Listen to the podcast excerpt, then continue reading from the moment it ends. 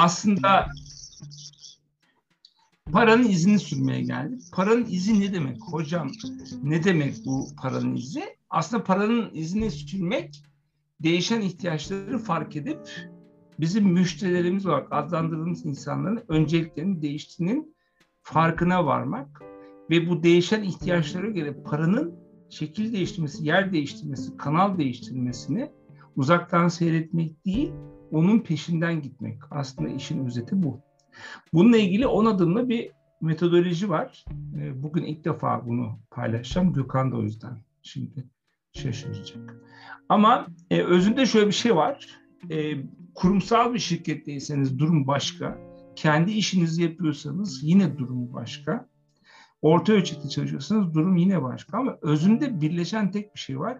Herkesin ne iş yaptığını iyi bilmesi lazım. Herkesin ne iş yaptığını bilmesi için de aslında pazarı, müşteriyi, ürünü ve paranın orada nasıl aktığını bilmek konusunda çok ciddi bir birikime sahip olması gerekiyor. Ben şeyi çok seviyorum o yüzden. Güldür Güldür'de bir tane sucuk parodisi var. Ee, işte plaza insanları bir sucuk firması patronuyla e, oturuyorlar, sohbet ediyorlar. Bunu mutlaka seyredin. Orada diyorlar ki e, işte sucuğu brief edemezsin diyor.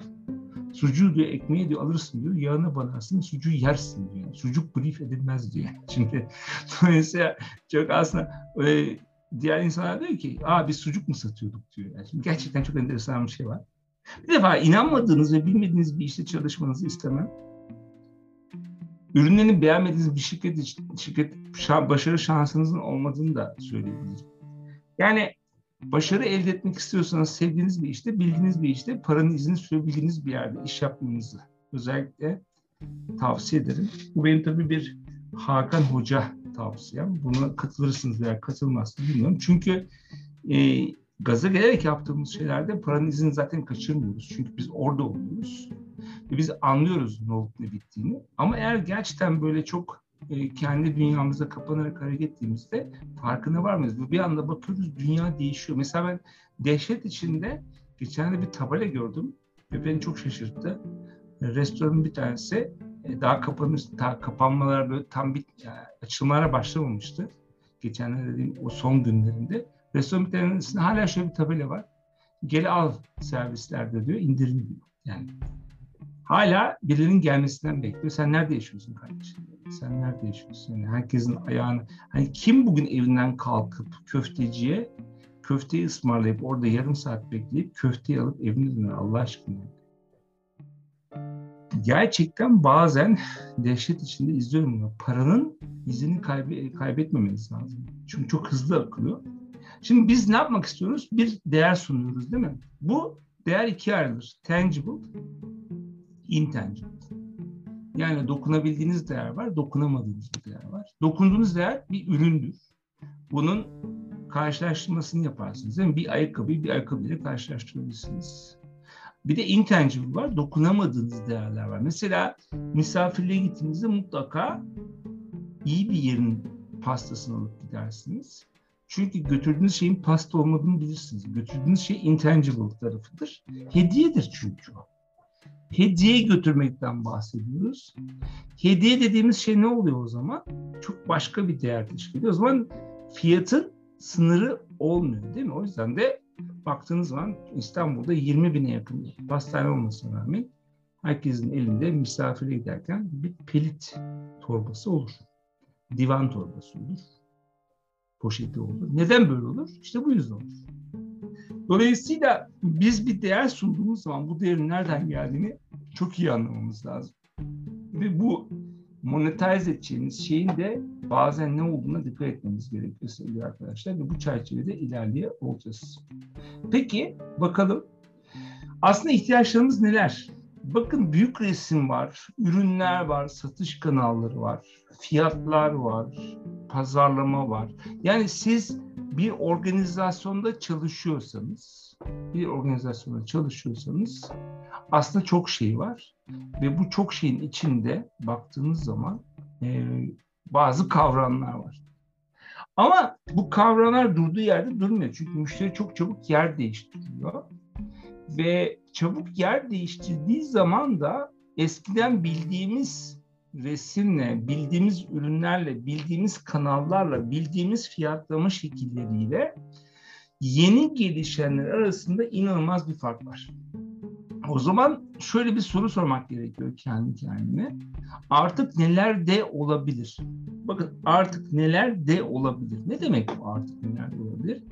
Yani benim peşinde koştuğum şey sadece sadece arkadaşlar mevcut iş değil. Mevcut işimin üzerine koymam gereken bir şeyden bahsediyorsam eğer artık neler de olabilir demem gerekiyor. Bu noktada baktığınız zaman da web sitesi çok önemli bir şey olabilir. Yazılım işi yapıyorsanız yazılım işi olabilir. Software as a service, business as a service işler olabilir. Eve servis işler olabilir. Yani mevcut işinizi eve servis hale getirebilirsiniz. Eve servis olan bir kat model geliştirebilirsiniz. Ürünlerinizi satmaktan vazgeçip aynı zamanda kiralayabilirsiniz. YouTuber olabilirsiniz. Yani artık siz bir ürünü satarken bu kadar videonun konuşulduğu bir ortamda ne yapabilirsiniz? Video gerçekten önemli bir bileşen olarak kullanabilirsiniz. Yani YouTuber demek YouTube'dan para kazanmak demek değil. Siz mevcut ürünlerinizi anlatırken ve insanlara bunları ulaştırırken ne olacağını çok net bir şekilde koyabilirsiniz. Mesela geçen de benim çok güzel bir şey başıma geldi. Bir lamba aldım. Lambanın içinden hiçbir şey çıkmadı. Bir tane kağıt çıktı. QR kod vardı üzerinde. QR kodu tıkladığım zaman bir YouTube kanalına beni gönderdi. Kurulumu anlattı bana YouTube kanalı. Garanti koşullarını anlattı. Her şeyi bitirdi. Yani gerçekten baktığınız zaman bazı kanalların nasıl kullanılacağını iyi bakmanız lazım. Abonelik yapabilirsiniz değil mi? Yani yumurta mı satıyorsun? Her gün değil haftada bir gün 15 tane yumurta bırakacağın müşterilere eve yumurta bırakmaya başlayabilirsin. Ee, yani abonelik diye bir kavram gelmeye başladı. Yani durma durduğun yerde. Çünkü paranın izinin yeri değişti. Ve paranın izinin yeri değişince bir şeyler değişmeye başladı. Biz bir şeyleri farklı görmeye başladık. Ve bu farklı gördüğümüz şeyler bizi aslında ne yapması lazım? Harekete geçirmesi lazım. Bunlar sadece bazı örnekler. Ve bu bazı örnekleri baktığımız zaman paranın izini sürmek için bazı yöntemler ortaya koymaya başladım ben. Birincisi 10 e, tane adım var artık arkadaşlar. Paramın paranın izini sürmekle ilgili 10 tane adımı ortaya koydum ben. Bir tanesi gerçekten hedeflerini belirlemekle başlıyor. Amacın ne yani? Amacın ne? Ürün mü vereceksin, servis vereceksin? Yani biraz sonra gireceğim detaylarına. Sonra pazara bak. Pazardaki fiyat analizine bak. Mevcut pazarın fiyatlama mantığı nasıl çalışıyor? Kar marjı üretilebilen bir iş mi? Sürdürülebilirliği var mı? Bu pazar nasıl bir pazar? Rekabet çok mu? Değil mi? Durma tabii bununla. Hedef kitlene bak. Hedef kitlende gerçekten bu senin yapacağın ilaveler ve yeni kanalları, yeni pazarları, yeni ürünleri açarken bu paranın izini sürerken gitmen gereken noktadaki insanların buna ne kadar parayı nasıl şekilde ödemeye hazır olduğu konusunda bir analize ihtiyacım var. Orada tabii tek başına değilsin. Rekabete bak. Rekabetin şekline bak.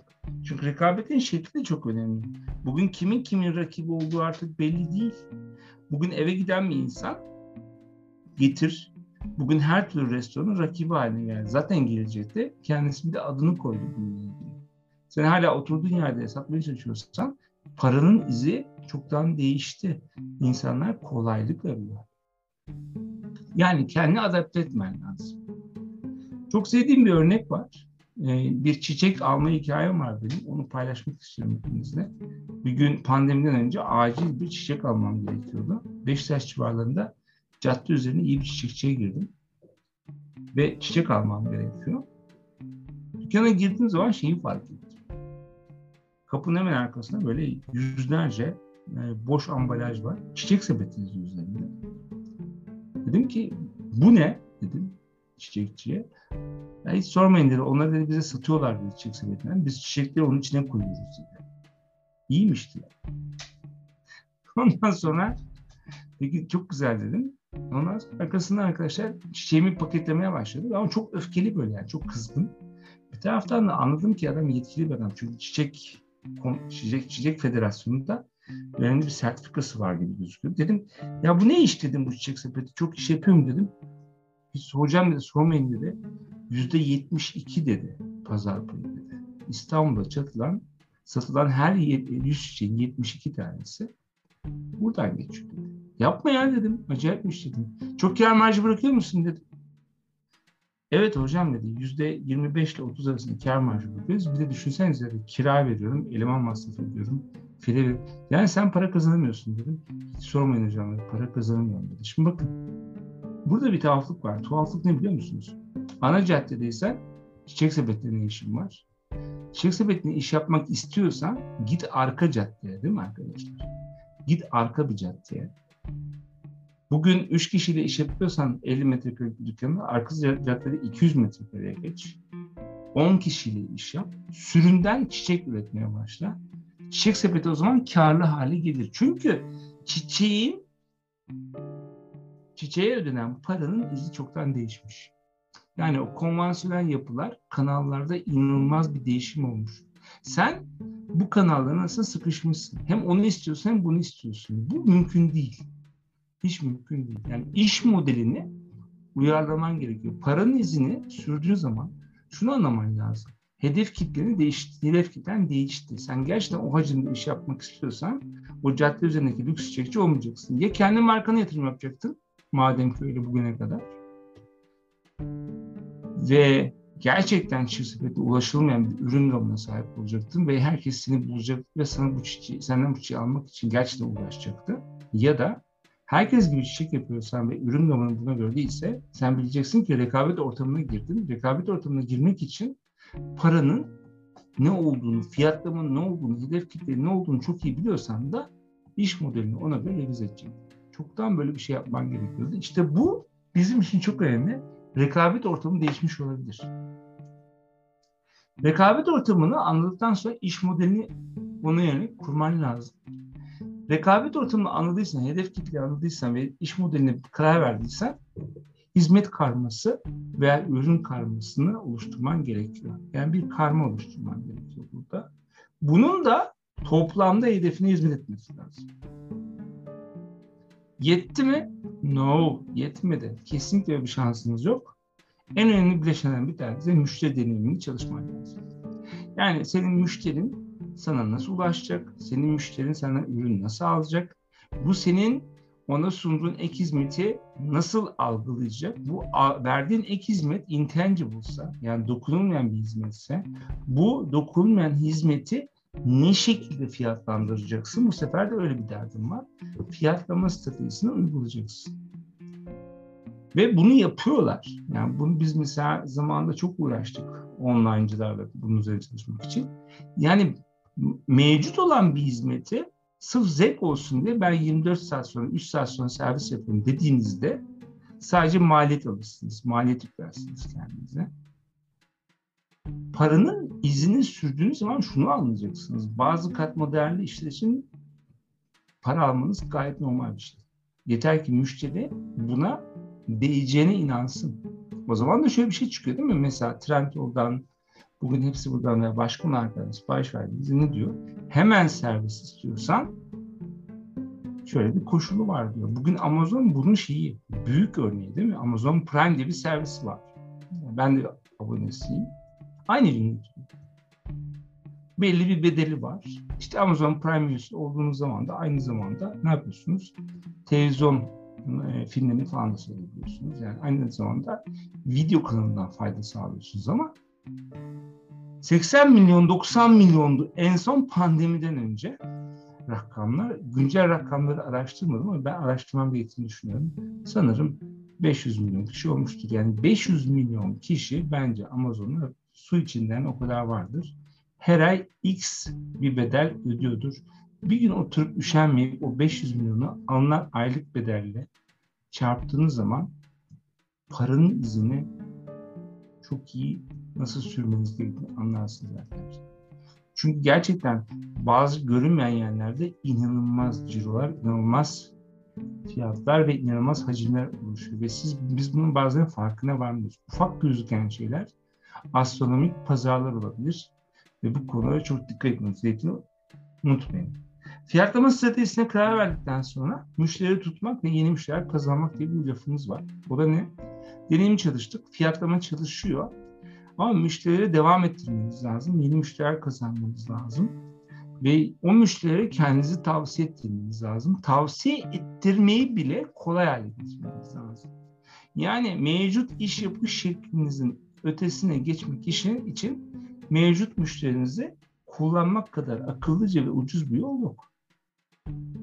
Çünkü mevcut müşterinizin burnunun dibinde diğer arkadaşı duruyor ki o da onun gibi birisi. Benzerler birbirini çeker derler. E, benzer birbirini çekiyorsa benzer hizmetleri de almak isterler. Dolayısıyla davranış itibariyle muhtemelen aynı tip müşteriyle karşı karşıyayız. Daha sonra da yeni pazarlar kazanmak diye bir şey var. O da pazardan pazara sıçramak demektir. Değil mi?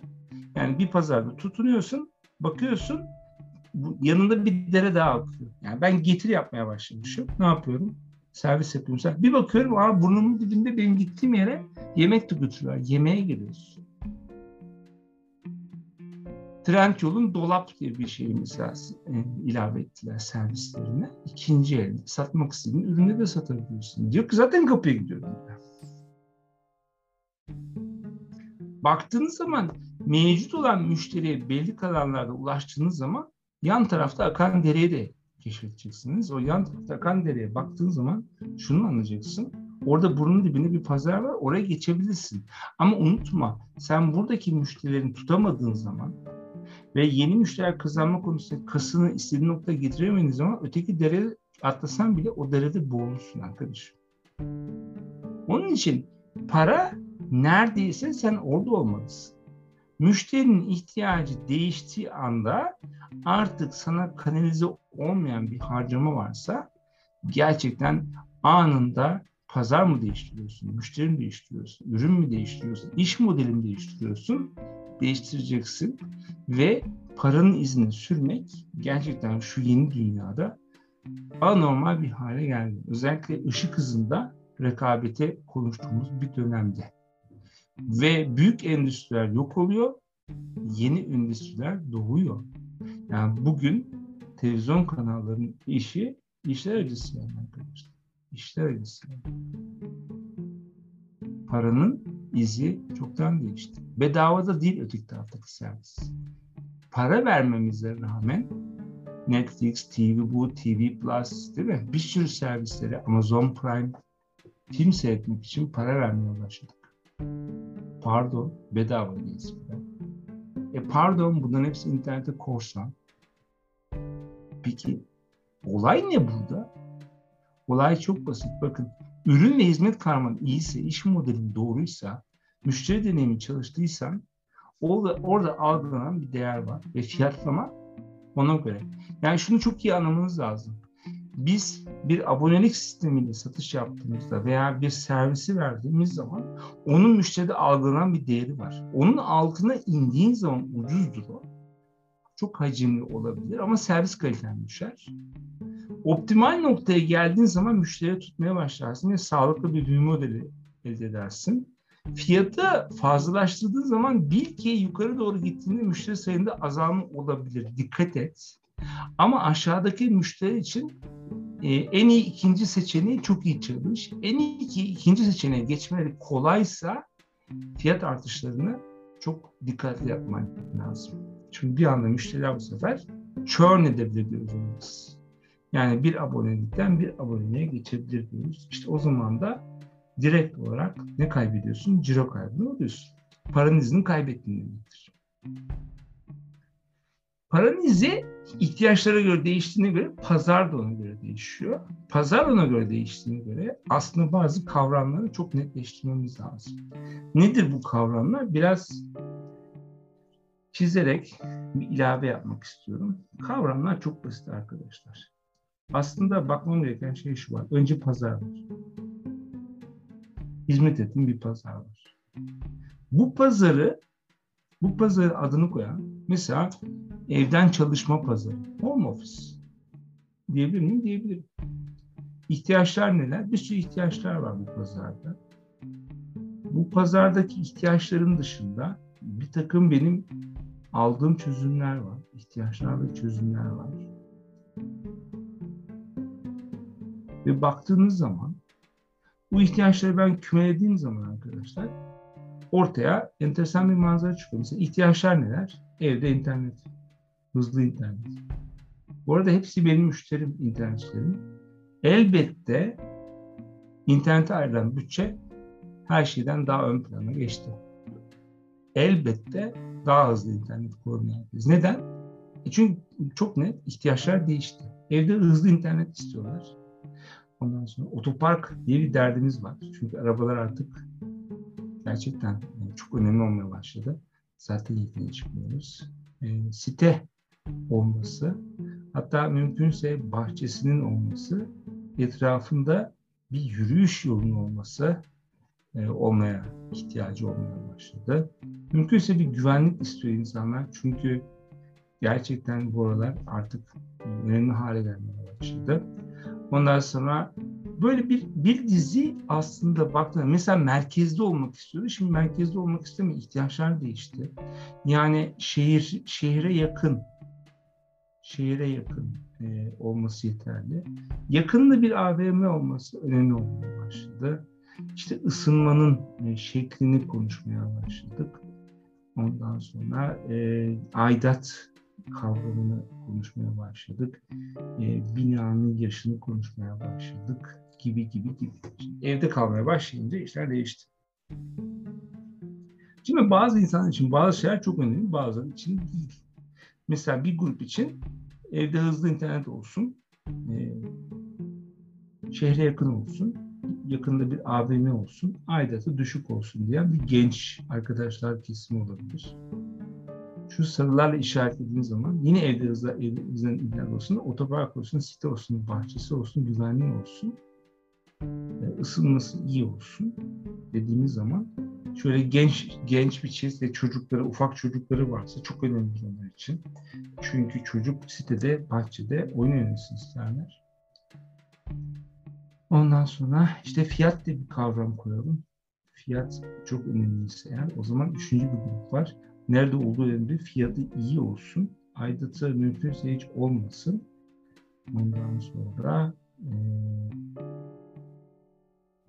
dediğimiz zaman da temel ihtiyaçları karşılayan başka bir segment var. Bu segmentler artabiliyor. Ve bu segmentlerin şöyle bir özelliği var. Bunlar ihtiyaçlar değiştikçe küçülüyor bazıları, bazıları tam tersi büyüyor.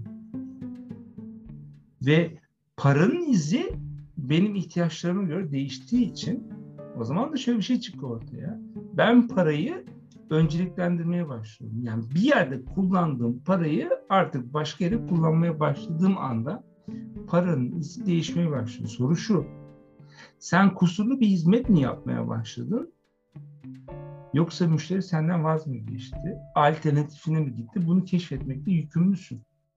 Bunu yakalayamadığın zaman paranın izini kaybettiğin anlamına geliyor. Öyleyse şöyle bir şey var. Pazarda doğru yerde duruyor musun? Ürün gamın buna uygun mu? Bütün bu işleri yaparken gerçekten ne iş yaptığının farkında mısın? Müşteri tutmak, müşteri elde etmek konusunda farkındalığın iyi mi? Bu tür soruların cevaplarını arıyoruz. Ama biz tabii bazen ne istediğimizi de çok bilmiyoruz. Yani benim go to market dediğim bir kavram var tabii. Dünyada da çok konuşuluyor. Pazara gidiş şekline karar vermem lazım. Benim amacım ne? Ortaya koymam gereken bir amaç var. Amacım ne olabilir? Ona bakmam lazım. Bakalım amacıma neymiş? Karlık artışı alıyorum. Bambaşka bir iş. Ciro artışı, nakit akışı arıyorum. Nakit akışını aramak ne demek? Daha kısa vadede ödeme yapan müşterilere ulaşmak istiyorum demek. Pazarda penetre olmak istiyorum. Pazar payımı büyütmek istiyorum. Müşteri başına gelirde artış istiyorum. Ve bütün bunları yaparken hiç durmuyorum arkadaşlar. Rakibi yok etmek istiyorum. Kapasiteyi doldurmak istiyorum. yeni pazar, yeni segment. Soru şu, senin niyetin ne? Sen bunların hangisini yapmak istiyorsan, hangisini istiyorsan hepsini aynı anda istemezsin. Okey mi? Mümkün değil yani. Hepsini aynı anda istediğin zaman ne istediğini bilmez bir şekilde tavuk kümesindeki dolaşan tavuğa benzersin. Bir tanesine esas olarak kanalize olman lazım.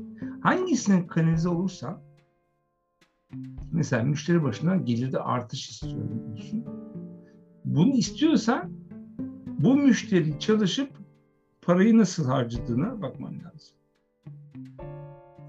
Pazarda büyümek istiyorsan pazar penetrasyonu senin kaçırdığın bir pazar varsa o paranın nereye aktığını öğrenmen, lazım. Paranın aktığı bir yer varsa ne yapman lazım? Burada düzenleme yapman lazım. Mesela şu anda çok enteresan değil mi? Yani şu ana itibaren uzunca bir zaman döviz endeksi ürünlerin servis katmanlarında inanılmaz bir büyüme olacak. Yani insanlar satın almaktan vazgeçip biraz daha tamirat yapmak zorunda kalacaklar. Ama sen burada hala bekliyorsun. Böyle. Vah vah diyorsun, mal satamıyoruz diyorsun. Bir dakika yani. E paranın izi yer değiştirdi. İhtiyacı değişti müşterinin. Sen niye kasıyorsun kendini? Git Orada bir pazar var seni bekliyor burnunun dibinde. Deri akmaya başlamış yanından sen diyorsun ki ya bir dakika yani nasıl olacak şimdi işte. Olmaz öyle. Para çoktan yer değiştirdi ve çoktan sen paranın izini kaybetmişsin ve bunu fark etmen gerekiyor. Peki nasıl olacak? Üç tane ana kavram var. Stratejik pazarlama karmasında benim çok kullandığım bir e, çerçeve bu. Framework diyorum ben buna Framework dediğimiz şeyin içinde şöyle bir şey var. Stratejin ne? Araçlarını doğru kullanıyor musun?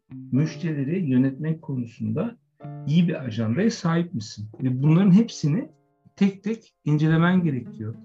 Eğer birine bir cılız cevabın varsa ilerleyemiyorsun. Bakın ne diyor?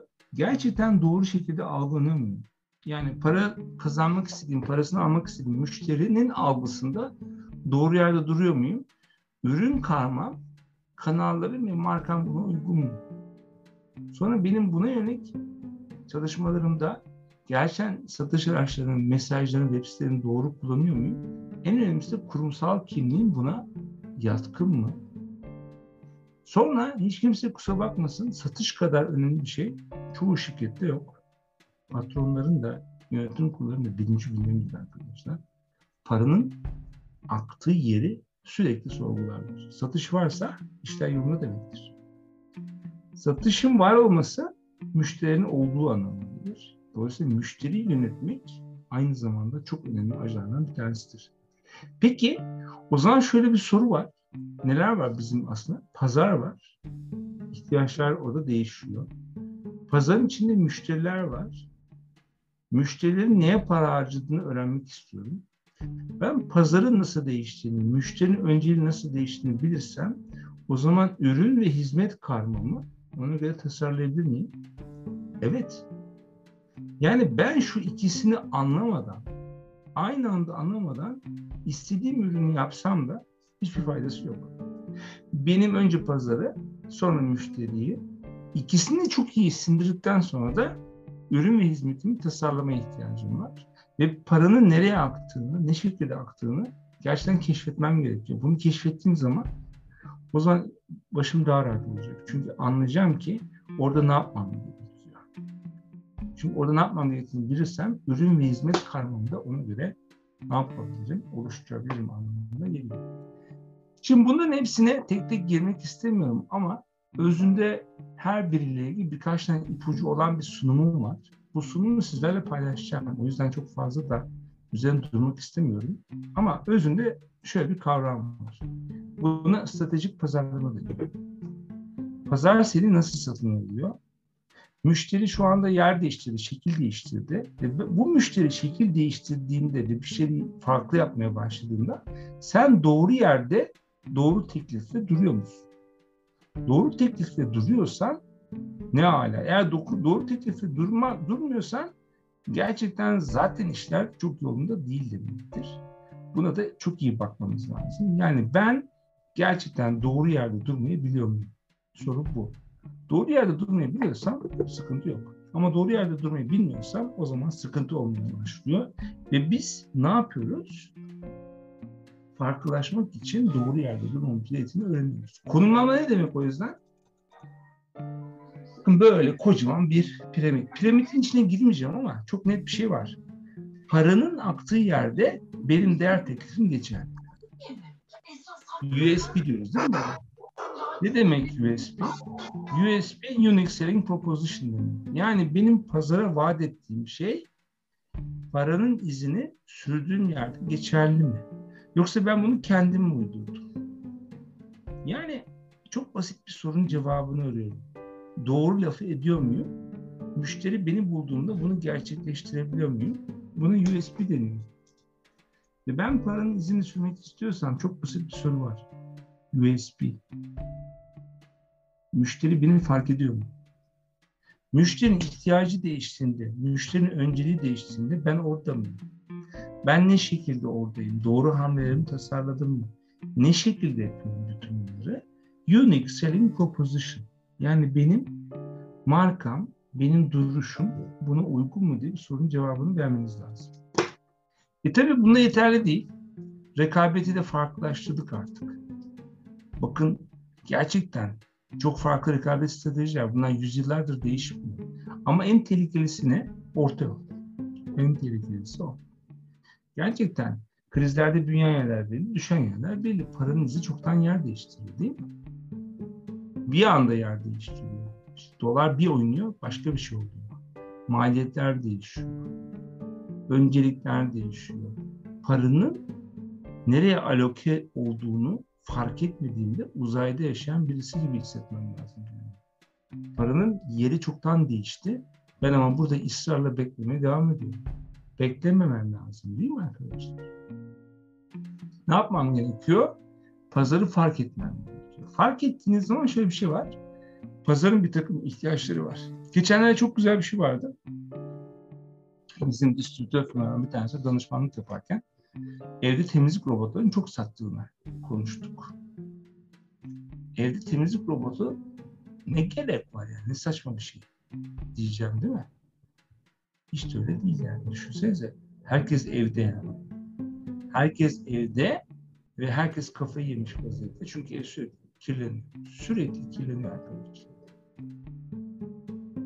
Evin hanımına da fena yani.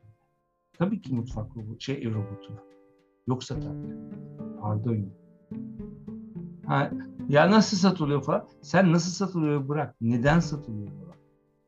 Çünkü çoktan orada değişen bir şey var. Çünkü daha önce bir takım evde hizmet veren kadınlara harcanan paralar artık harcanmadığı için paranın alaka olduğu yer değişmeye başladığı için paranın izi çoktan değişti. Ve sen bunu hala fark etmediysen hangi dünyada yaşıyorsun? Hangi dünyada yaşıyorsun? Sorarlar adamlar. Bak oraya. Müşterinin ihtiyacı çoktan değişti. Sen oraya bakamıyorsan kaçırdığın bir şey var demektir. Yan taraftaki dereye bakmamışsın. Hala ısrar ediyorsun. O zaman şöyle bir şey var. Segmenti iyi anlamam lazım. Yani bizim müşterilerimiz aslında çok farklı. Çok farklı müşterimiz olduğu için çok farklı ürünlerimiz var. Ve bu segmentlerdeki insanların ihtiyaçları değişiyor. Yani benim paranın izini sürmem için birinci sorum şu. Müşterim kim? Ben bu müşteriye, bu müşteriyi takip ettiğimde nerede bu müşteri? Pazar nereye döndü? Ne şekilde döndü? İnsanların öncelikleri nasıl değişti diye gerçekten çok net bir şekilde bakmamız lazım. Ve buraya baktığınız zaman da çok net bir şey var tabii. Pazar bana ürün sormuyor. Pazarın bana sorduğu çok başka bir şey var arkadaşlar. Rekabet üründe değil yani. yani bugün rekabetin değiştiği şekle bakacak olursanız paranın izi çoktan değişti. Yani şunu iyi anlamam lazım. Paranın izi çoktan değişti çünkü rekabetin şekli değişti. Kimin kimin rakibi olduğu belli değil. Çünkü rekabet üründe değil. Rekabet müşteride. Ve ben sanıyorum ki üründe rekabet ediyorum. Hayır. Müşteride rekabet ediyorum. Müşterinin ihtiyaçlarını fark ettiğim zaman rekabetin müşteride olduğunu. Yani müşterinin diğer alternatifini ürün bazında değil, bazında görmem lazım arkadaşlar. O zaman şöyle bir soru var. Benim bu müşteride bu müşteri bana benim hizmetim için şu an para para harcıyor. Değil mi? Ne harcayabilir bana? Mesela çok e, bizim de çok kullandığımız bir eve servis yapan bir kuru temizleme servisi var. Şimdi azaldı ihtiyacımız. Benim ihtiyacım azaldı. Ne oldu? Çünkü dışarı o kadar çıkmıyoruz. Eskisi kadar ütü de çıkmıyor. Ar, e, peki ne oldu? Buraya harcadığım parayı nereye harcamaya başladım? İşte soru bu. Eve kurtimiz yapan firmanın bana şunu yapması lazım. Bu insanlar bu parayı buraya harcamıyorsa nereye harcıyorlar? Buna çok iyi bakması lazım. Hocam minik bir örnek verebilir miyim? Tabii ki. Geçen gün böyle şey hep başarılı markalarda paranın izini sizle konuştuktan sonra sürmeye çalışıyorum. Yıllardır bildiğimiz Tefal. Farkında mısınız? E, son 6 aydır, 8 aydır e, temizlik robotları satmaya başladı. Evet. Ve e, son bir aydır da diğer süpürgelerinin lansmanını yapıyor. O söylediğimiz şey o. Para nereye evet. gitti? Çünkü belli ki işler değişti. Bu taraf bir taraftan da Tefal'in işleri tıkırındadır. Onu da söyleyeyim. Niye? Hı hı. Çünkü evde daha çok zaman geçiren insanlar ne yaptılar? Eve daha çok para harcadılar. Yani eve harcanan eve harcanan tutar arttı. Öyle bir döneme de girdik Gökhan. Bunu, bunu çok iyi gözlediler. Çok iyi izlediler. O evde ne döndüğünün çok iyi farkına vardılar. Ve hiç alanları olmayan, bugüne kadar hiç temas ettiğine şahit olmadığımız bir alana girdiler. Bir ihtiyacı çözmeye kalktılar. Tefal genelde kirletir. Temizlik ile ilgili hiçbir ilişkisi olmaz ama Tefal ilk defa evin yüzeyine indi. Çok enteresan bir noktaya girdi. Bu evet. bence bizim, bizim için çok kıymetli bir örnek olmalı. Tabii çok teşekkür ederiz. Gerçekten güzel bir örnek verdiniz bize. Ve buraya baktığınız zaman da işler değişiyor. Geçenlerde ben de güzel bir örnek vereyim. Ee, LCY2'den bir şeyler alıyordum. Özellikle bu aralar şeyini çok seviyorum. Ee, CV Sports diye bir şey var böyle spor eşyalar. Çok tabii evdeyiz. Değil mi? Eşortman, işte kullanışlı bir takım e, tişörtler, sweatshirtler bizim gündemimizde. Yani şu an kimse bu arada takım elbise almıyordur diye varsayıyorum. Şunu söylediler e, online'dan alışveriş yapabilirsiniz. İster online'dan yapın, ister dükkandan yapın. Dükkandan istediğiniz zaman değiştirebilirsiniz. Hiçbir faturaya ihtiyaç yok. Tamamıyla cep telefonunuzu söylediğinizde biz sizin alışverişinizi görürüz ve bütün kanallardan değiştirme yaparız dediler. Neyi fark etmişler Gökhan? Müşterinin her yerde olduğunu fark etmişler. Evet. Yani aynı müşteri dükkana da gel gelmeyebilir. Neyi yapmaya çalışıyorlar? Online'dan gelmesi için de onun sebep yaratmaya çalışıyorlar. Niye çalıştılar? Müşterinin deneyimini çalıştılar burada. Okey mi? Çünkü paranın izi çoktan yer değiştirdi. Çünkü ürünler değişti, servis alma şekli çoktan değişti. Onun için ne yapması lazım? Buna adapte lazım. Dolayısıyla soru çok basit aslında. Müşteriyi elde ederken ne oldu? Müşteriyi elde tutarken ne oldu? Benim ürünlerim doğru mu? Hangi kanallarda hareket ediyor? Bütün bunlara bakmam gerekiyor. Bütün bunlara bakarsam aslında oldukça güzel bir noktaya geliyorum. Birkaç slide ileri gideceğim ve özellikle e, temas etmek istediğim bir nokta var. O da şu. E, bizim temelde peşinde olduğumuz şeylerden bir tanesidir arkadaşlar. Fiyatlamaya girmek istiyorum. Diğer konulara özellikle sizin zaten e, sunumda ulaşacaksınız. Fiyatlamaya girmek istiyorum. Fiyatlama bizim için önemli. Ama fiyatlamaya girmeden önce şunun çok iyi anlaşılmasını istiyorum. Bizim derdimiz sadece fiyatlama değil değil mi? Bizim derdimiz sadece fiyatlama değil. Ne de bizim derdimiz aynı zamanda? Bizim derdimiz aynı zamanda arkadaşlar çok net bir şekilde neyi sağlamak? Müşterinin neye değer verdiğini çok anlamak istiyoruz. Evet, baktığınız zaman ya bir saniye şey oldu. Evet, tam slaytı göstermedi. Baktığınız zaman çok önemli bir şey var karşımızda. Biz müşterinin aslında ne hissettiğine bakmak istiyoruz. Müşteri ne hissediyorsa gerçek olur. Ve müşterinin hissettiği şey onun algısıyla ilgilidir. Senin bir şeyi iyi yapman veya kötü yapmanla ilgisi yoktur. Müşterinin algısını belirleyen şey de müşterinin karşılaştırma yapma yeteneğidir. Karşılaştırma yeteneği de bana diyor ki rakibin aslında senin diğer rakiplerin gördüklerin değil, müşterinin algısında rekabet ediyorsun. Ve müşterinin algısına rekabet ettiğin zaman çok basit bir şey var aslında. Gerçekten müşteri çok başka. O zaman şöyle bir şey var. Nasıl bir şirket olmak isterim? Onun cevabını vermemiz lazım. Bizim çok çevik olmayı öğrenmemiz lazım. Müşteri değişiyor, yer değişiyor. Müşterinin ihtiyaçları değişiyor. Ee, gerçekten karlılık arıyoruz. Hamlelerimizi çok iyi yapmak istiyoruz. Veriyi kullanmayı öğrenmemiz lazım. Müşterinin izini sürerken, paranın izini sürerken arkadaşlar veriyi kullanmayı acayip öğrenmemiz lazım. Bütün bunların yanı sıra planlı hareket etmemiz lazım. Dolayısıyla bakın çok aslında bizim bloklarımız belli. Biz müşterileri tanıyıp onlara yönelik fonksiyonları yapan CRM'i ve segmentasyonu kullanarak müşteri deneyimini fark yaratan bir kafada olmamız gerekiyor. Yetti mi? No, yetmedi. Paranın izini sürerken çok basit bir şey var. İki zekayı da kullanacağız. Bir tanesi CRM zekası, bir tanesi bir tanesi CRM zekası, bir tanesi Customer Experience Management. Arkadaşlar bu sol beyindir. Bu sağ beyindir. Burada rasyonel sebepler vardır. Burada irrasyonel sebepler vardır. Burada para vardır. Burada duygu vardır. Şimdi bu ikisi de birbirine acayip bağlıdır. Çünkü duyguyla satın aldığım şeyi rasyonize ederim. Rasyonize ettiğim şeyde bazen duygumla desteklerim. Ama özünde şöyle bir şey var. Bizi yönlendiren şey duygusal bağlılıktır. Duygusal bağlılık bana şunu söylüyor. Müşterinin duygusal tarafını yakalarsan, nasıl hissettiğini bilirsen o zaman sol tarafı iyi çalıştırırsın.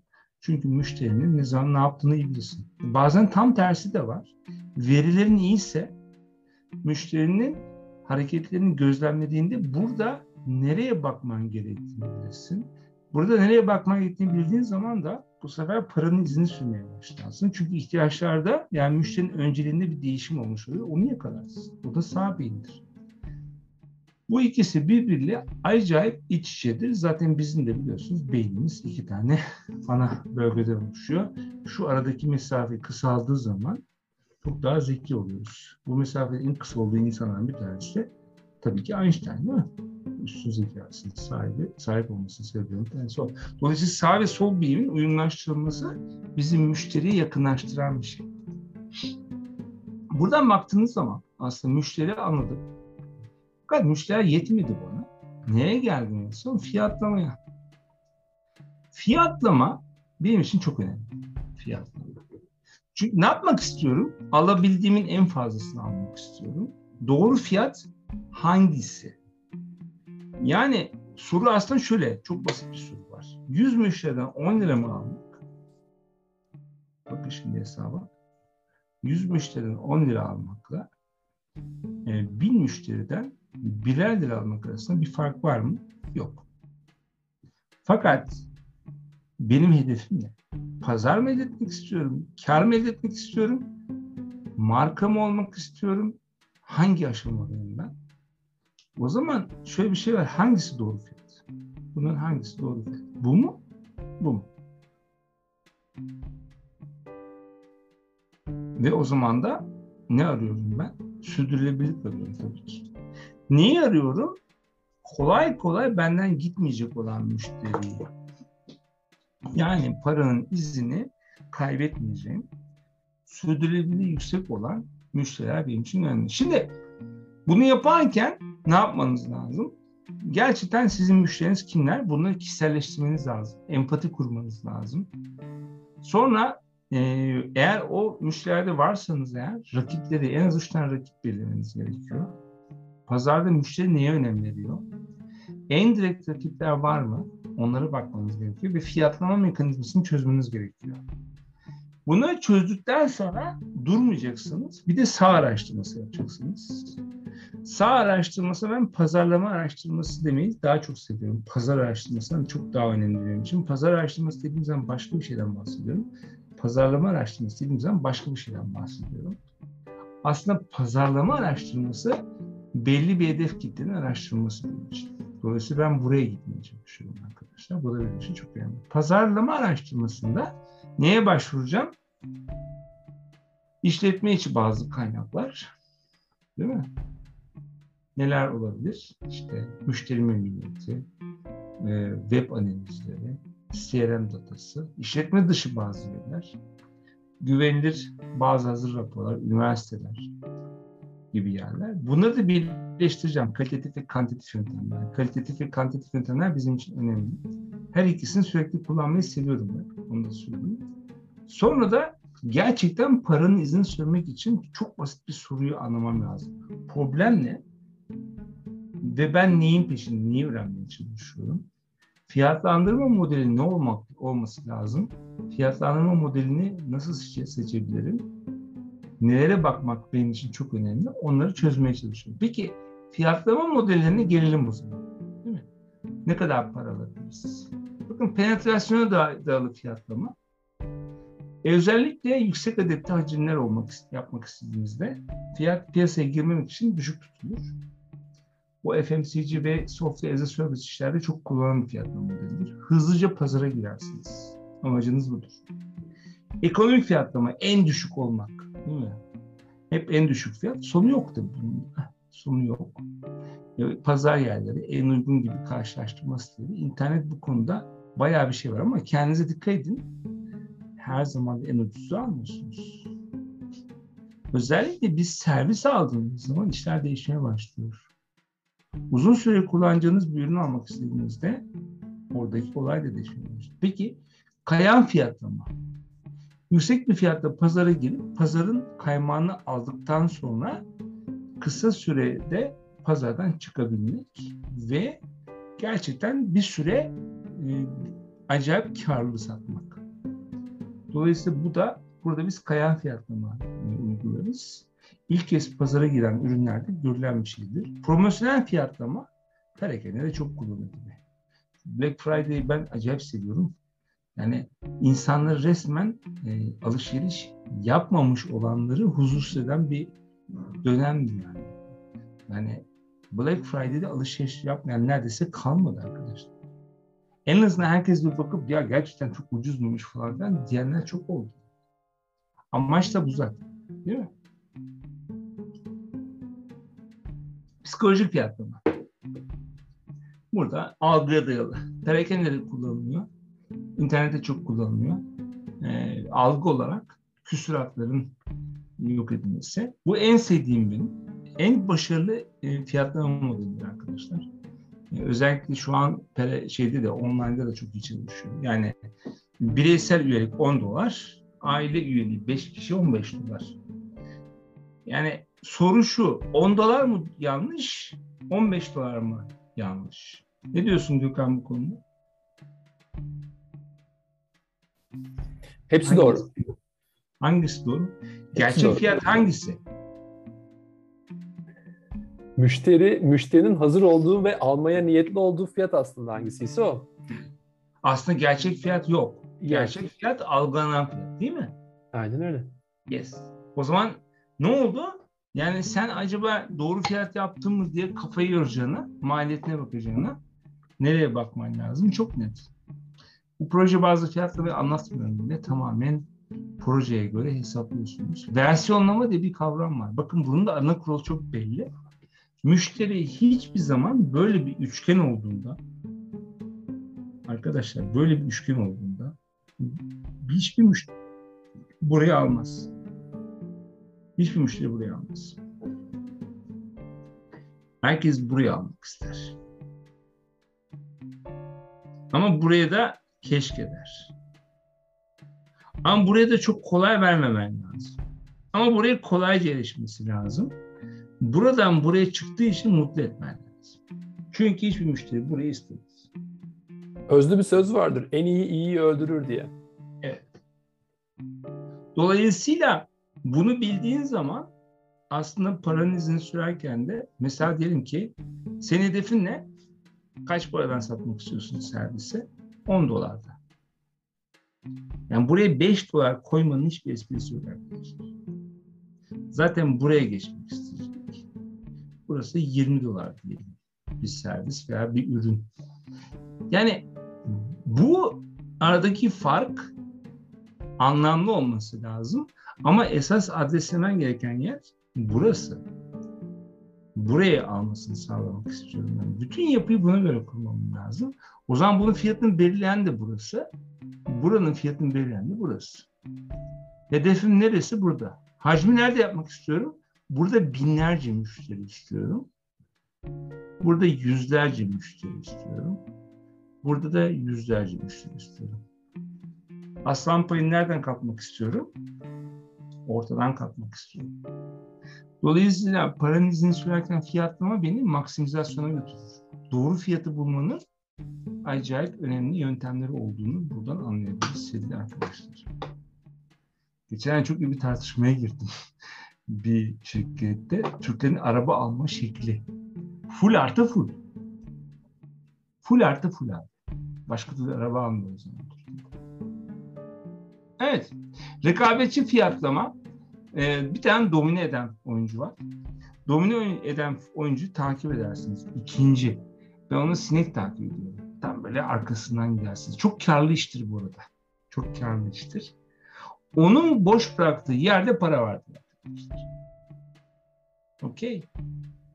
Onun boş bıraktığı her yerde paranın izini yakalarsınız. Çünkü bir yerleri boş bırakıyorsun. O kadar da mükemmel çalışmaz. Püf nokta şu. Orayı takip edebiliyor musun? Oraya çabuk cevap verebiliyor musun? Çok net bunun cevabını arıyoruz. Evet, katkıya dayalı fiyatlama. Buna bayılıyorum ben. Bu contribution tabanlı demek. Yani ben bir bayim var. İçinizde bayilerle çalışanlar da olabilir. Veya bir müşterim var. Ona verdiğim şeyi kullanarak yarattığı katma değer büyüdüğünde ona contribution diyoruz. Yani onun fiyata olan katkını senin monetize etmen. Bunun farkına varman gerekir. O yüzden e, burada gerçekten üstüne o katkıyı ne kadar olacağını çok iyi bakman gerekiyor. Maliyet artı gerçekten e, hiçbir zaman tutmayan bir hesaptır. Maliyet dayalı fiyatlama bugüne kadar gerçek çıkan hiçbir hesap görmedim ben. Ki yüzlerce firmayla çalışıyorum. Hiçbir zaman da sürdürülebilir değildir arkadaşlar. Benim en çok tavsiye ettiğim müşterinin algısındaki yere göre belirlenen fiyattır arkadaşlar. Burada da soru şu. Bu çok önemli bir slide aslında bakarsanız. Bakın burada iki tane tip var.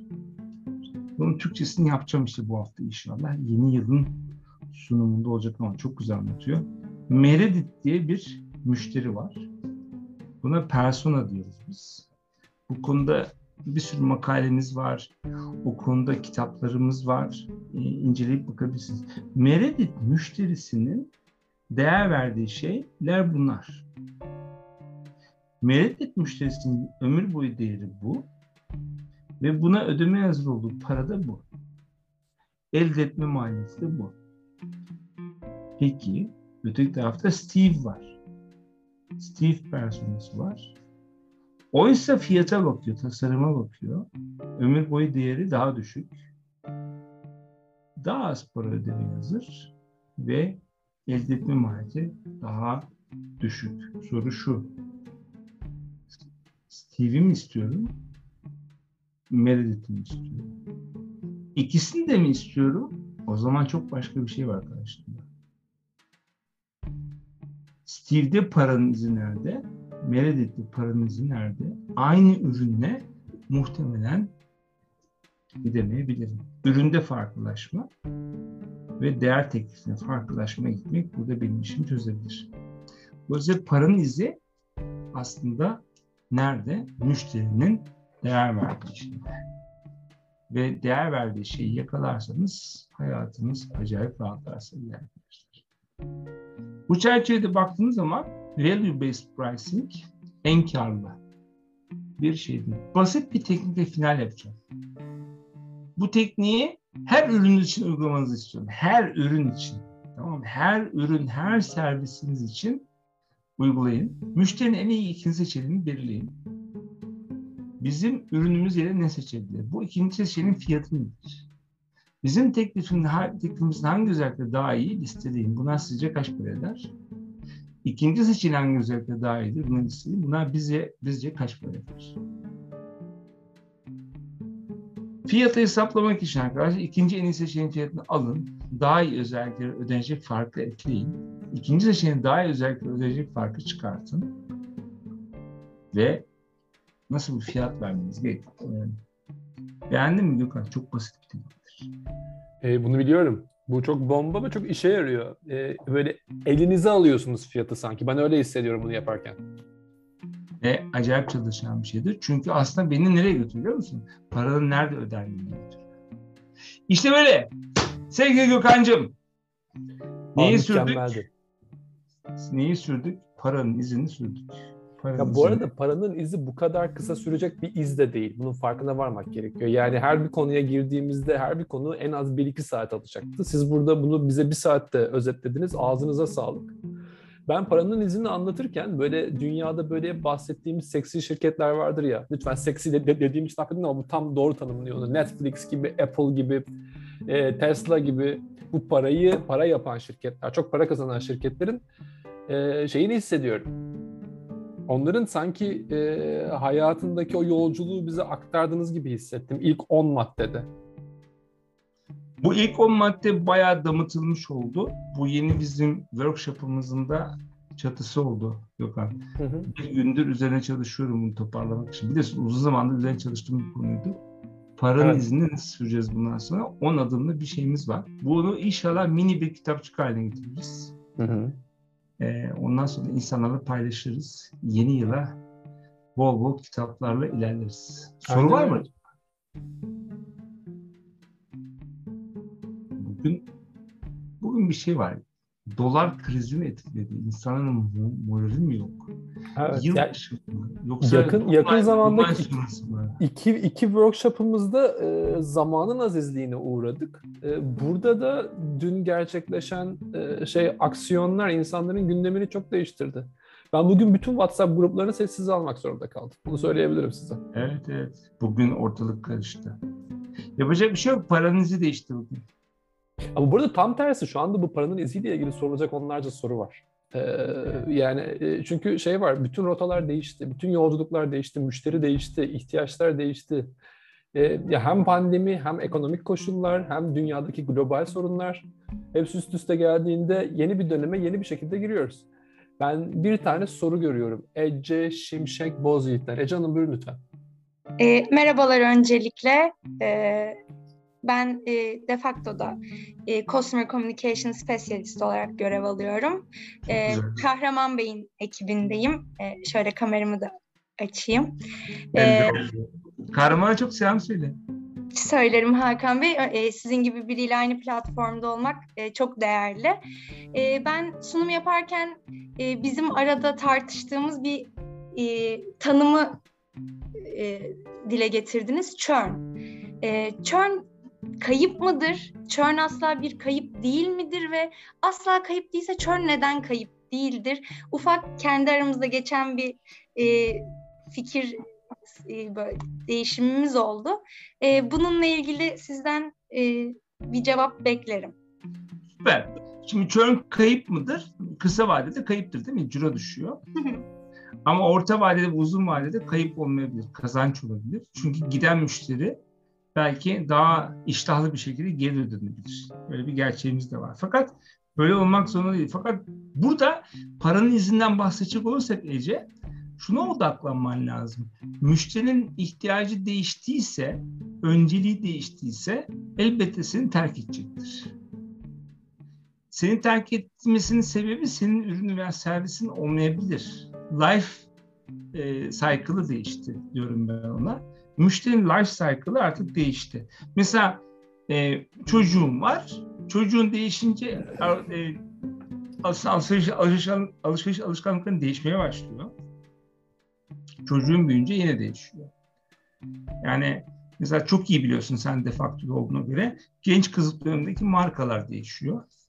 Yaşlanınca değişiyor. Elbette churn edecek ama püf nokta şu. Tam para kazandığın yerde churn ediyorsa portföyüne, ürün portföyüne tekrar bakman lazım. Çünkü sen aslında o müşteri tutmak için, kazanmak için belki de bir sürü şeye katlandın. Cevabın oldu mu bilmiyorum. E, oldu. Teşekkür ederim. Çok bir de, sağ olun. Bir de ben minik bir ekleme yapabilir miyim? Ee, yani burada Tabii. iki durum var. Bir tanesi kendi içimizde yaşadığımız problemler veya şey eksikler, e, göremediğimiz fırsatlar ya da dışarıda e, yakalayamadığımız şeyler var. E, ilk önce kendimize bakıyor olmak çok mantıklı. Çünkü e, kendimizi çok iyi tanıyoruz. Ve bu, bu bağlamda çok da başarılıyız. Sonrasında dışa döndüğümüzde bu churn'ün e, gerçekten churn mü olduğunu, kısa vadeli mi, orta vadeli mi, uzun vadeli mi kayıp olduğunu okumak çok net. Hakan Hoca'nın söylediği gibi de sonrasında zaten paranın izini takip edince doğru yola erişiyoruz. Orada Kes- bir şey var. Parayı ne zaman nereye harcadığını keşfedecek olursan müşterinin ne zaman tekrar karşısına çıkman gerektiğini tasarlayabilirsin ama kahraman zaten çok iyidir bu konularda. Evet. Yani sizin söylediğiniz ilk 10 maddeyle aslında churn'ü bir kazanca tekrardan yani churn bir kayıp değildir kavramına gelebiliyoruz. Yes. Özetlemek gerekirse. Çok Kesinlikle. teşekkür ederim. Çok sağ olun. Yani iyi bak. Siz de. Yes. Sevgili testin sorusu vardı. Testin kim olduğunu bilmiyoruz. Mehmet Yes kimdir? Mehmet Bey'in bir sorusu var. Bu- Buyurun Mehmet Bey. Ha, Merhabalar, öncelikle iyi akşamlar. iyi akşamlar. Çok Ben acayip de bir kah- yerden soruyor soruyorsunuz. Böyle acayip bir görüntü var arka tarafta. Evet ya. Ya kameram yıllardır kapalıydı. Uzun zaman sonra açıldı sanırım kendine gelemiyor o yüzden. Evet ya. Fark etmez böyle olsun. Hiç önemli değil. Sen yeter ki sorunu sor güzel e, Mehmetciğim sağ ol. Tamamdır. Ee, teşekkür ederiz önce sunum için. Çok doluydu bence. Ben de Kahraman Bey'in ekibindenim ve bir konuda sizlerin fikrini almak isterim. Ee, benim tahminim, ben de Customer Research ekibindeyim de facto'da ve e, değişen pazar koşulları ve müşteri tutumları benim aslında ana konumu oluşturuyor. Ve tahminimi aslında sizlere sormak istiyorum. Büyük ihtimalle bu pazar payında e, AB grubunda hiç ses olarak söylüyorum belki de hiç gidilmeyen markalar, belki de hiç deneyimlenmeyen markalar, tercih edilmeyen markalar için büyük bir şans olduğunu düşünüyorum. Bu ekonomik kriz şartlarında diyebilirim. Bu konuda bir fikir almak istiyorum sizden, bir içgörü almak istiyorum. Çünkü ortalama markalar ya da nasıl söyleyebilirim, lüks kategoride değil ama insanlar tercih etmiyordu bir şekilde. Yani belki tarz bulamıyordu, belki tasarım bulamıyordu, belki hizmet alamıyordu. Ama ekonomik şartlar sanırım o AB grubundaki insanları daha fazla artık e, bu tercih etmediği markalara yönlendirmeye başlayacak gibi geliyor bana. Bu yüzden mesela müşteri araştırmalarını ya da deneyim araştırmalarını bu ses grubuna kaydırmak firmalara kar getirir mi acaba sizce? Şimdi e, çok güzel bir soru tabii. Evet. E, hatırlıyorsan konumlandırmadan bahsettik. Şimdi konumlandırman buna uygunsa senin oraya geçme maliyetin düşükse elbette yapabilirsin. Ama her markanın konumlandırması buna uygun olmayabilir. Yani bir anda 2-3 üst segmente bir anda, bir anda çatır çatır çıkamayan çok markanın aslında ol- olduğunu söyleyebilirim ben. Deniyorlar tabii ki. Ama cılız kalıyorlar. Şimdi burada püf nokta şu. Elbette öncelikler değişti. Yani öncelikler değişince e, AB grubunun ihtiyaçları da değişti. Ben emin değilim aynı ihtiyaçları farklı bir markadan karşıladıklarına. Daha çok bakılması gereken şey wallet share dediğimiz cüzdan payında harcadıkları yerlerin öncelikle değişmiş. Mehmet. Yani ve bir an meselesi bu. Çünkü krizler, pandemiler aslında Türkiye özelinde konuşacak olursak o üst segmenti de çok etkilemedi aslına bakarsan. Şu son şimdi lakırt olmaya başladı. Dolar böyle iki katına çıkınca falan. Öncesinde de bu pandemide falan çok fazla bir switch olmadı. Lüks tüketimin arttığını düşünüyorum ben. dünyada da mega trendi var. Lüks tüketim artıyor. Lüks tüketim yanında yalnız bir şey daha geliyor. E, customization geliyor yani. Yanına kişiselleştirme de geliyor. Yani bu senin şimdi yapman gereken şey o zaman ne var? Intangible tarafı oynaman lazım. Ürün, ürünün yanına ne koyman gerektiğine bak. Çünkü insanların değer verdiği şeyin ne olduğunu keşfetmekle ilgili denklem çalışmamız lazım dedim. Para ödemeye hazır olduğu bir ilave değer varsa o değere yatırım yapmak lazım diye düşünüyorum sevgili. Hocam bir de burada bir de burada şey var. En son bir araştırmada okudum ama yani rakamları tam olarak bilmemekle birlikte rakamları te- te- tekrar tararım Mehmet Bey sizin için paylaşırım. E, e, dijital dünyadaki satışların ve pazar yerlerinde gerçekleşen satışların e, bu Hakan hocamın da bahsettiği şey vardı. Müşteri duygularıyla alır ve sonra rasyonel, rasyonelize eder dediği bir durum var. E, dijital dünyada e, özellikle pazar yerlerinde filtreleme ve çok net bir şekilde e, kategorize edilmiş ihtiyaçların çözümünü bulma süreci var. Bir akışı var, bir yolculuğu var. Dolayısıyla e, burada şey bazen marka bağ, marka bağımsız çok ciddi rekabet avantajı da yaratabiliyor. Dolayısıyla e, şey e, bahsetmiş olduğumuz o A A plus müşterilerin e, ihtiyaçları e, daha alt konumlanmalara sahip markalar için e, markalarla match olabiliyorlar. Yani şunu söyleyebilirim. Çok çok basit bir örnek. Ben kendimden bunu örnek verebilirim. E, şey tamamen doğal ürünler giymek isteyen bir adam olarak e, organik e, ürün yapan ve Türkiye'de hiç bilmediğim e, işte Antalya'daki bir markadan e, ürün al- alabiliyorum. Ve o hiçbir zaman tahmin e, işte ediyorum ki lüks ve A, A segment markalarla rekabet edemezdi. Bir yerde rekabette avantaj da sağlamaya başladı dijital kanallardaki esneklik. Onu söyleyebilirim. Ama şey var tabii Mehmet, yeterince büyük bir lokma oluşuyor mu buraya gittiğinde? Yani, Evet. e, ona bakman lazım. Orası çok önemli. Umarım cevap olmuştur sana. Cevap oldu. Eğer insanların hakkını almıyorsam bir tane daha eklemek istiyorum. Bir de bu sefer sorduğum soruya tersten bakarsak mesela hani AB grubundan öğrencilere inersek onlarda aslında durum biraz daha vahim. Hayat onlar için biraz daha pahalılaşıyor. Böyle bir dönemde mesela öğrencilere odaklanıp duygusal bir bağ kurmak markanın geleceği açısından ileriki satışlarında bir etki yaratabilir mi? Ee, Şimdi öğrenciyle duygusal bağ kurman gerekiyor çünkü yarın para harcayacak olan müşteriyi konuşuyoruz bir taraftan da doğruya doğru. Ama ne kadar sadakat var bilmiyorum. Sadakati iyi ölçmek lazım. Ee, belli markalara var ama giyim endüstrisinde sadakati nereye kadar var onu da bilmiyorum. E, çünkü biraz önce Gökhan'ın verdiği örnek var. Fonksiyonellik ön plana çıkmaya başladı ürünlerde.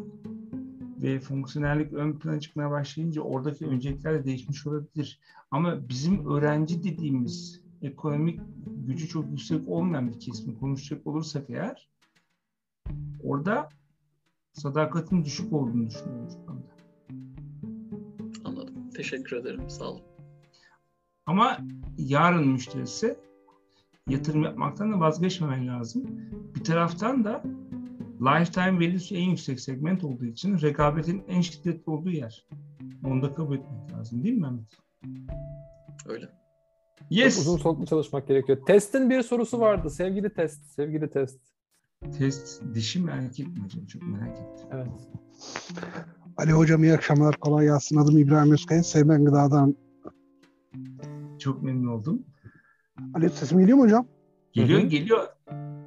Ee, Ne gıda dedin? Seymen. Şimdi o- Teğmen. ha. yani Semer reçelerin e, Semer reçellerini duymuşsunuzdur belki biliyorum, hocam. biliyorum. Çok seviyorum. 1938 işte yılında kurulan bir büyük bir fabrikamız var. Dijital pazarlama uzmanıyım orada. Çok Ee, iyi. yani şimdi özellikle sormak istediğim şu hocam. Önümüzdeki yıllarda e, fiziksel mağazaların e, yani fiziksel mağazaların zaten küçülmeye gittiğini biliyoruz. Ama bu e, önümüzdeki 10 yıl içerisinde daha da küçülür mü ya da önümüzdeki 20 yıl içerisinde fiziken büyük ihtimalle kaybolur diye düşünüyorum ama ben e, bu noktada e, sorun bu şekilde olacak hocam. Cevaplarsanız sevinirim. Çok güzel. Şimdi 10 yıl çok uzun. Ee, ismini tam alamadım. Çok özür dilerim.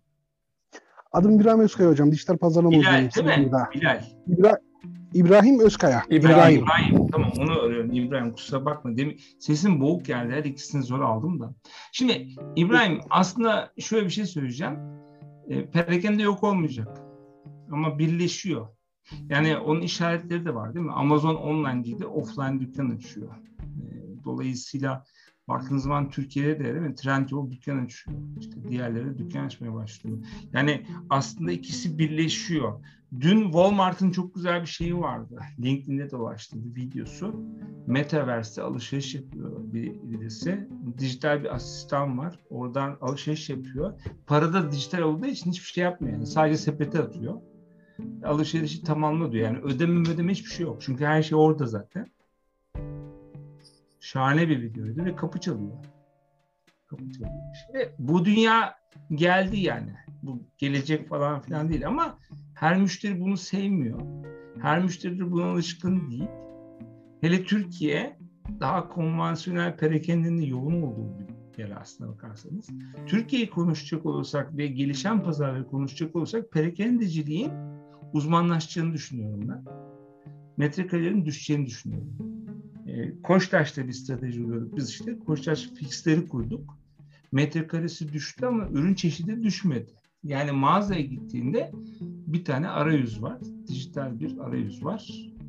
Kiosk var yani. O kiosk üzerinden gerekirse satış danışmanı sana yardımcı oluyor ve senin istediğin ürünü oradan bulup evine göndermeyi teklif ediyor. Ya bu şu demek aslında az metrekare diyeyim ama çok çeşitlim var. İş buraya doğru dönmeye başladı.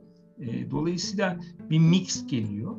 E, bu mixlerin artması gerekiyor. Yani benim online ile offline'ı birleşen bir dünyada metrekaresi daha düşük e, dükkanlarla ama uzmanlaşmış dükkanlarla daha yolun çok uzun olduğunu düşünüyorum açıkçası. 10 yıl olarak düşünme. Kesinlikle ne yapıyorsan yap 3 yılda 5 yıl arasında bir stratejiyle ilerlemen gerektiğini düşünüyorum. Çünkü çok sürpriz oluyor. Yani şu, şu an dünya ekonomisi sürprizler üzerine kurulu. Zaten o yüzden zorlaştı paranın izi çok yer değiştirdi. Yani bir anda böyle ışık hızında yer değiştiriyor değil mi? Bakar mısınız yani? Ee, yani bizim dün başımıza gelen Türkiye tamamen paranın ne kadar hızlı hareket ettiğinin bir göstergesidir yani. Dünyada da öyle bunlar. O, hız aslında her yerde var ama biz o kadar şiddetli hissetmiyoruz. Yani ölçemiyoruz. Bir gün ölçeceğiz bunu değil mi? Bir gün sen sevmen reçelleri olarak bir şey yaptığında dijitalci birisi olarak grafik olacak önünde. Bir şey yapacaksın böyle yani saniye mertebesinde göreceksin ekranda. Öyle bir dünya var olacak. Öyle bir dünya olduğunda tekrar konuşmamız lazım.